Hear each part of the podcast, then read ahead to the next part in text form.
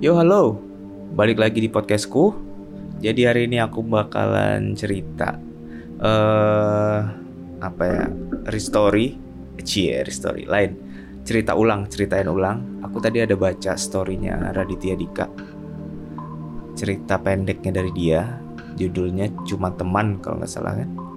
Ini mau aku bacain ulang aja karena ini menarik ya ceritanya, asik gitu tadi pertama sih ya kayak biasa-biasanya tapi sudah ngedengerin awal-awal di trip notice gitu.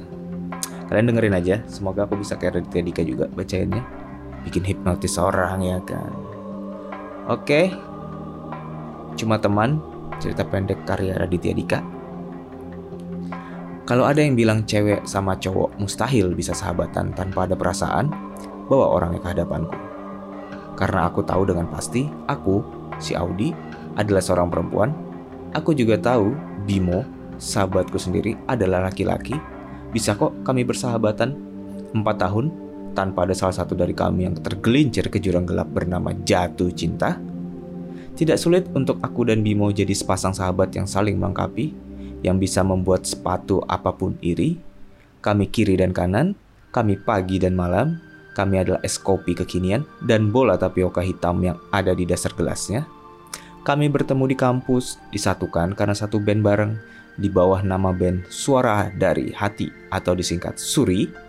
Band kami band dengan gaya jazz, musik yang terjadi kalau Billy Holiday ngopi bareng Chet Baker, lalu sepakat untuk ngejam bareng. Kami merasa keren, walaupun kata mamaku, musiknya bikin ngantuk. Aku penyanyinya di band itu bersama Bimo. Sempat laku di mana-mana, Sampai akhirnya ketika kami semua lulus kuliah, demo band yang gagal membuat band kami hilang arah. Label nggak ada yang mau, jualan sendiri nggak ada yang beli.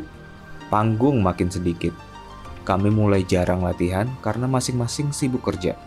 Band kami bubar. Pemimpin band kami bilang, udahlah, musik ini nggak bakalan laku. Gue mau buat musik pop aja, bilangnya. Eh, seni bukan masalah laku nggak laku, tapi tentang mencintai apa yang kita lakukan, kata Bimo gagah. Aku setuju. Tunggu sampai lo punya anak, kata salah satu anak band yang lain. Gak ada yang lebih menggoyahkan idealisme dari uang sekolah anak yang harus dibayar, katanya gitu. Band kami pun bubar. Tapi, aku dan Bimo masih sesekali jadi backing vokal musisi-musisi top di Jakarta. Dari kuliah, aku ada di setiap jatuh cinta yang Bimo alami dia juga ada di setiap patah hati yang aku pikul. Bimo adalah orang yang pertama kali aku telepon ketika aku ingin curhat soal laki-laki yang minta nomor teleponku di depan resepsionis Celebrity Fitness. Aku adalah orang yang dia telepon ketika dia cerita soal gebetannya yang dia temani makan di kantin kampus siang-siang. Bedanya, saat ini Bimo tidak punya siapa-siapa. Aku punya David. Pacarku selama 17 bulan ini, David, juga kenal baik dengan Bimo.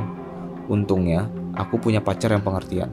Tidak seperti cowok lain yang melarang pacarnya tetap berteman dengan sahabat cowoknya. Padahal, si cewek lebih dulu kenal sahabatnya dibanding si pacar tukang larang ini. David memang beda, dia dewasa. Mungkin ini karena aku juga pernah bilang ke David, percaya sama aku, Bimo cuma teman, selamanya aku cuma teman. David bilang, aku nggak curiga kok kalau pacaran masih ada kecurigaan, mungkin kita pacaran dengan orang yang salah, kata David. David juga penuh kejutan. Empat bulan lalu, dia melamar di Segara, Jakarta Utara, di pinggir pantai. Kami duduk berdua di suatu meja, lagu favoritku bermain tiba-tiba. Dia mengeluarkan cincin sambil membawa satu bucket anggrek merah jambu. Tidak banyak yang tahu aku suka bunga itu. David memang penuh kejutan. Hari ini terasa terlalu ramai untuk hari Sabtu. Dalam mobil, Bimo menyetir dengan wajah lurus ke depan. Dia memakai baju The Simpson.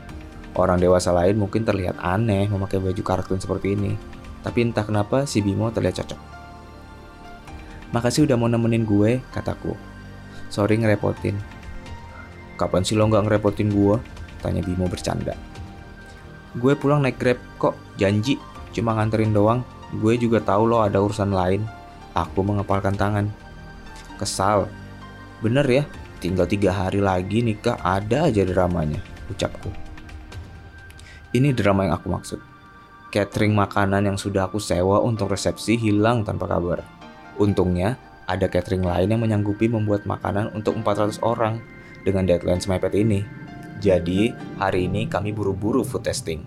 Memastikan minimal makanan bisa ditelan. Kekacauan seperti ini memang bikin kesal. Tapi aku yakin setahun kemudian pasti jadi sesuatu yang seru untuk diceritain. Bimo aku ajak karena selain aku dan David sedang dipingit David kebetulan juga lagi di luar kota. Bimo menoleh ke arahku, lalu bertanya, hari ini ada siapa aja? Lo, gue sama calon ibu mertua. Oh, baguslah ada si tante. Seleranya bagus tuh, kata Bimo. Keluarga David cukup akrab dengan Bimo, karena lebaran kemarin mereka sempat memesan rendang masakannya. Yang lainnya, tanya Bimo. Cukup sih perwakilan dua keluarga, lo kan perwakilan tamu tuh sebagai pihak ketiga biar tahu rasanya enak apa enggak. Bima mengangguk, lalu melanjutkan memperhatikan jalan. Ada yang beda dengan mobil Bimo hari ini. Mobilnya sunyi, tidak ada apa-apa yang terdengar. Padahal biasanya tap dinyalain. Aku menyalakan tap. Lagu bermain di radio. Bimo buru-buru mengecilkan volume. Gue lagi pusing nih, suaranya kecilin aja ya. Lalu dia kembali memperhatikan jalan. Di ruang food testing, satu demi satu makanan datang. Kami duduk di sebelah meja yang terlalu besar untuk tiga orang. Calon mertua yang datang hampir bersama dengan aku dan Bimo ada di ujung meja. Sementara aku dan Bimo duduk bersebelahan di ujung yang lain. Di tengah-tengah mencoba kambing guling, Bimo menghela napas. Dia terlihat muram. Ini ada yang salah dan terlalu lama untuk dibiarkan. Aku pun bertanya, Bim, lo kenapa sih? Beda banget hari ini. Bimo malah menjawab, bersuara pelan agar calon mertua tidak mendengar. Mau tahu banget atau mau tahu aja? Lo bercanda lagi gue siram ya. Aku bersiap memegang gelas. Ya udah, kata Bimo. Beneran nih ya, lo mau tahu kenapa gue begini? Iya bener, buruan ngomong, lama banget deh. Aku menegak es jeruk sambil menunggu Bimo bicara. Gue sayang sama lo, kata Bimo. Aku tersedak. Bulir jus jeruk nyangkut di tenggorokan. Audi, gak apa-apa. Seru calon mertua dari ujung meja.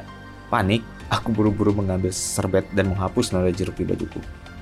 Gak apa-apa jawabku singkat. Kok sampai keselak sih? Tanya Bimo. Ini air putih. Aku berusaha tenang. Eh, enggak. Gue salah denger tadi. Gue pikir lo bilang gue sayang sama lo. Lo ngomong apa sih tadi? Aku menegak air putih untuk membasuh bulir jeruk yang nyangkut. Gue sayang sama lo, kata Bimo lagi. Kali ini aku tersedak lumayan dahsyat sampai ada air keluar dari lubang kanan hidungku. Astaga Audi, aduh nggak apa-apa kan? Tanya calon mertua. Hmm, gelasnya kegedean nih, kataku mencari alasan.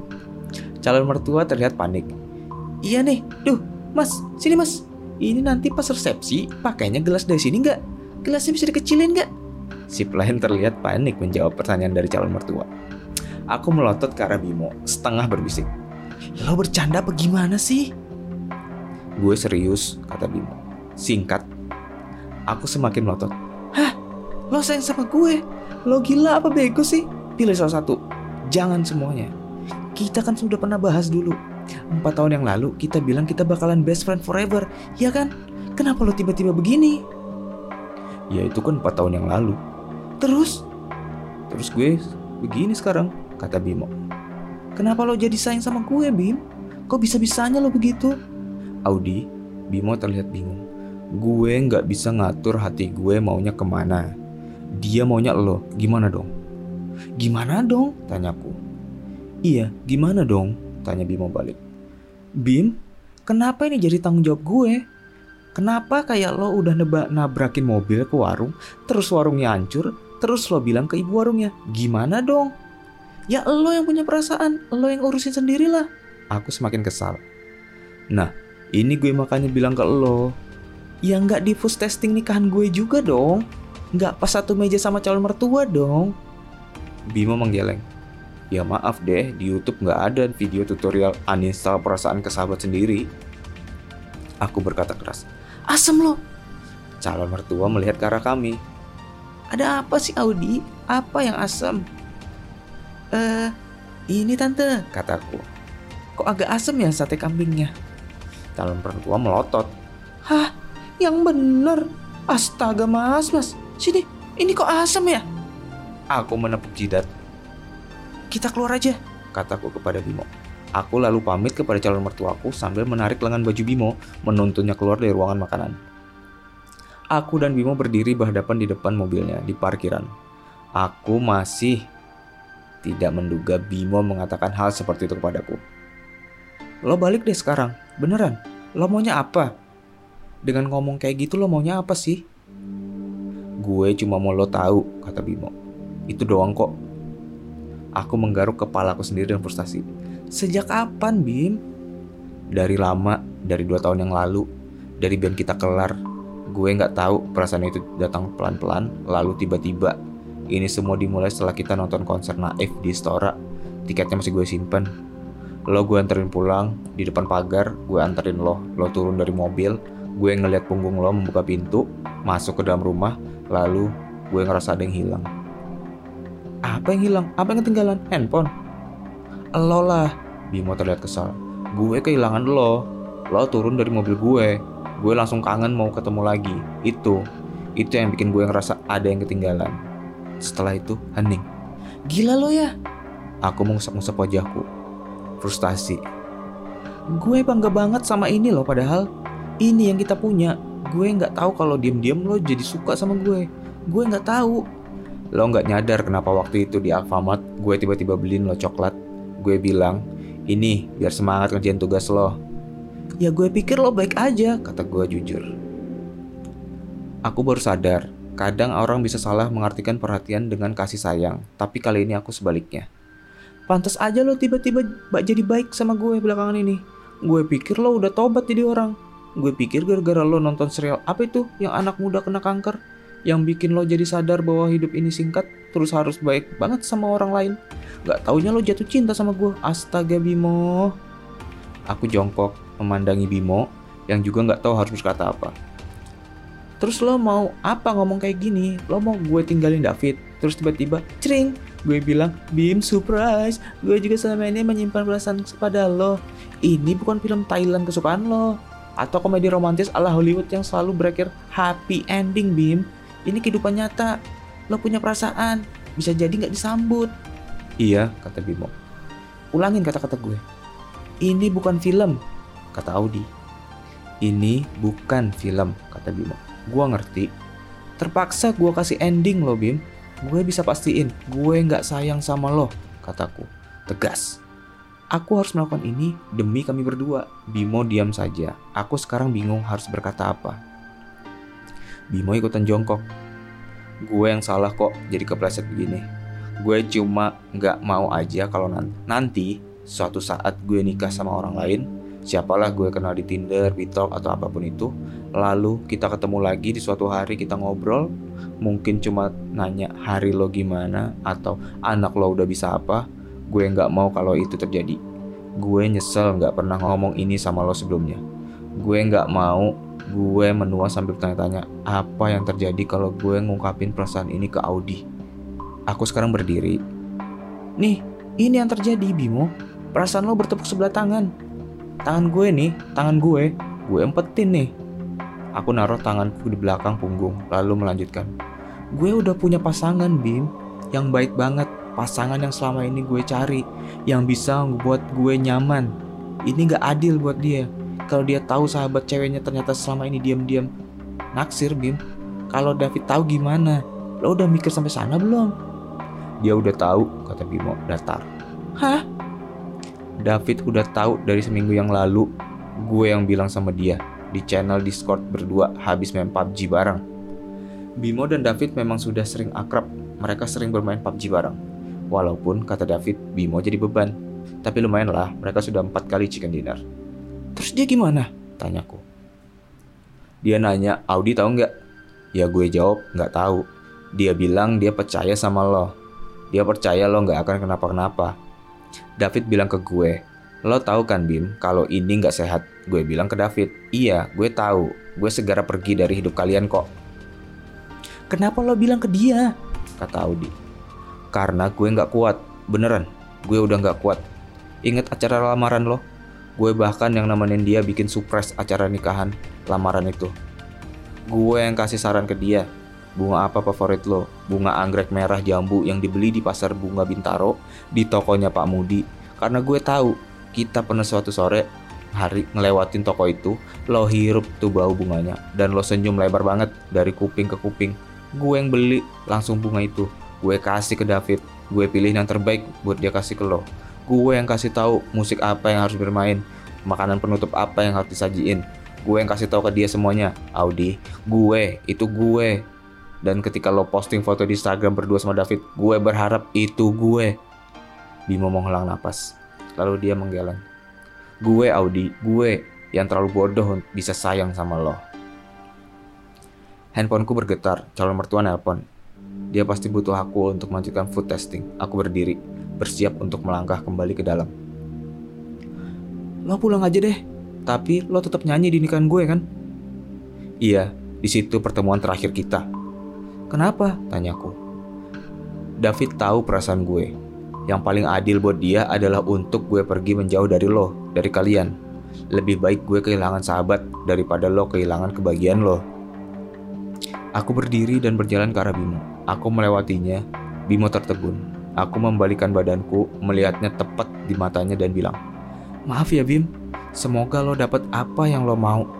Tapi yang jelas itu bukan gua. Itu adalah kata terakhir yang aku ucapkan ke dia. Berkat dipingit, pertemuanku kembali dengan David benar-benar ketika hendak ijab kabul. Selesai ijab kabul, kami lantas resepsi. Di atas pelaminan, kami juga belum sempat ngobrol satu dengan lain. Tamu keburu datang silih berganti. Salaman bersambut salaman. Begitu terus. Setelah beberapa saat kami bisa bernapas lega, kami duduk sebentar sambil minum air putih dari gelas plastik. David melihat ke arahku. Kalimat pertamanya setelah dua minggu tidak ketemu adalah Bimo udah bilang. Iya, kataku. Tiga hari lalu.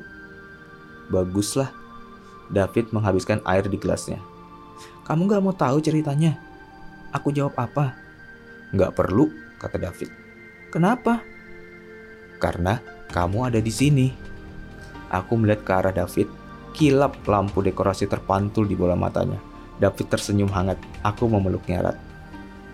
Kami melanjutkan menyalami tamu undangan. Tidak beberapa lama kemudian, bersama wedding band, Bimo bernyanyi di atas panggung. Dia bilang ke tamu undangan, dia mau menyumbangkan sebuah nyanyian, sebuah lagu cinta tentang cinta yang bertepuk sebelah tangan. Aku melihat ke arah David dan berkata, kalau kamu nggak nyaman, aku bisa bilang kok ke WO-nya, aku minta dia berhenti nyanyi. Biarin, biarin dia nyanyi, nggak apa-apa kok. David tersenyum. Hari ini dia bisa bernyanyi buat kamu. Tapi mulai besok, aku bisa nyanyi setiap pagi. Setiap kamu bangun tidur, untuk kamu dengan suara yang jelek pastinya. Aku tertawa. Ah, David, kamu adalah bukti mimpi bisa menjadi kenyataan. Bimo bernyanyi dengan nada-nada yang indah. Begitu indahnya, sampai beberapa orang yang sedang mengantri kambing guling berhenti untuk mendengarkan sejenak. Mereka yang datang berpasangan saling memeluk erat. Tangan Bimo memegang mikrofonnya erat. Aku menggenggam tangan David erat. David kembali melihatku dan berkata, Kayak di film ya, Aku nggak nyangka kita berakhir di sini juga. Pacaran 17 bulan, mencoba memahami satu sama lain, mencoba memenangkan hati orang tuamu, ternyata berakhir dengan manis, berakhir happy ending. Aku mengangguk, sayup-sayup masih terdengar suara Bimo. Tidak seperti di film, kehidupan nyata bisa punya ending yang berbeda. Oke, itu ceritanya. Menarik, menarik uh, aku sempat kebayang sih gimana uh, memang masih masih apa ya masih membingungkan lah ya. Mas kalian pernah kebayang nggak sih? Ada yang masih yakin nggak temenan cewek sama cowok itu bisa temenan akrab forever? Kayaknya sih memang enggak sih. Susah. Nggak tahu ya kalau karakter karakter masing-masing orang ya. Cuman aku mikir kalau cewek itu kalau berteman akrab sama cowok kalau di posisinya dia tuh jadi kayak seperti kayak punya kakak gitu. Akrab manja gitu. Itu kadang cewek biasa-biasa aja memang kelakuannya kayak gitu ya. Kalau sudah akrab sama cowok, apalagi sudah nganggap sahabat banget. dan itu susah jadi jadi perasaan cinta ya mentoknya di situ aja kayak akrab jadi kayak saudara jadi kayak ya kayak kakak gitu mungkin dianggapnya sedangkan cowok beda kalau sudah cewek-cewek manja ke dia senang walaupun dia anggap sahabat lama-lama bisa ada tuh cinta tuh muncul suka. Itu kejadian. Aku pernah ngalamin di posisi yang si cewek nih. Aku pernah lagi kerja di suatu perusahaan. Aku memang kalau aku nganggap misalnya ada teman cewek nih apalagi yang lebih tua aku nganggap itu kakak. Kadang aku bisa manja-manja aja gitu selengeannya aku. Aku bisa nyender-nyender dia karena aku juga tapi bukan langsung kayak gitu ya bertahap juga. Kadang kalau sudah aku ngerasa nyaman banget sama dia itu aku bisa sampai ya nyender-nyendernya aku se sebebas-bebasnya selengeannya aku. Bisa peluk-peluk tapi itu bukan karena aku suka atau apa. Itu aku bakalan nganggap dia tuh kayak kakak aku sendiri. Aku nyaman sama dia. Tapi kadang itu bisa jadi eh, hal lain. Bisa bisa jadi dianggap lain gitu sama si orang orang lain ini. Dan waktu itu memang si teman kantorku itu ternyata memang jadinya suka sama aku. Gitu. Itu pun juga yang ngomong teman-teman temanku yang lagi yang satunya lagi gitu. situ aku bisa bisa make sense sih gimana uh, cewek sama cowok itu kalau berteman itu kayaknya nggak mungkin deh hmm, bisa bertahan lama tanpa ada yang salah satunya jadi mencintai gitu. Jadi suka beneran. Karena ya itu nggak kebayang sih nggak kebayang. Aku sampai nggak kebayang cuma karena aku ada pernah di posisi yang si cewek itu. Dan aku juga pernah ada di posisi si cowok yang tiba-tiba berteman sama akrab sama cewek lalu tambah akrab tambah asik gitu. Yang bener-bener nggak nggak nggak cinta nggak suka. Cuman karena terlalu asik terlalu nyaman akrab dan ada masa-masa cewek itu juga sudah nganggap kita akrab banget. Dia jadi lepas banget sama kita ketawa akrab bisa nyender bisa manja-manja bisa itu kadang kita bisa langsung berubah gitu keadaan kita dari nganggap dia teman akrab bisa jadi suka gitu. Itu bisa timbul. Karena manja-manjanya si cewek itu kan. Nah kebalikannya aku juga bisa bisa kayak gitu ke temen cewek yang lebih tua ya. Bisa aku anggap kakak dan aku bisa manja-manja bisa senang-senang bisa terbuka bisa nyaman sama dia tapi bukan cinta ya. Dan itu bisa jadi bisa dianggap lain sama uh, temen cewek aku itu gitu. Ya gitulah pokoknya. Gimana tanggapan kalian? Aku sih ya gitu aja. Oke sekian dulu. Terima kasih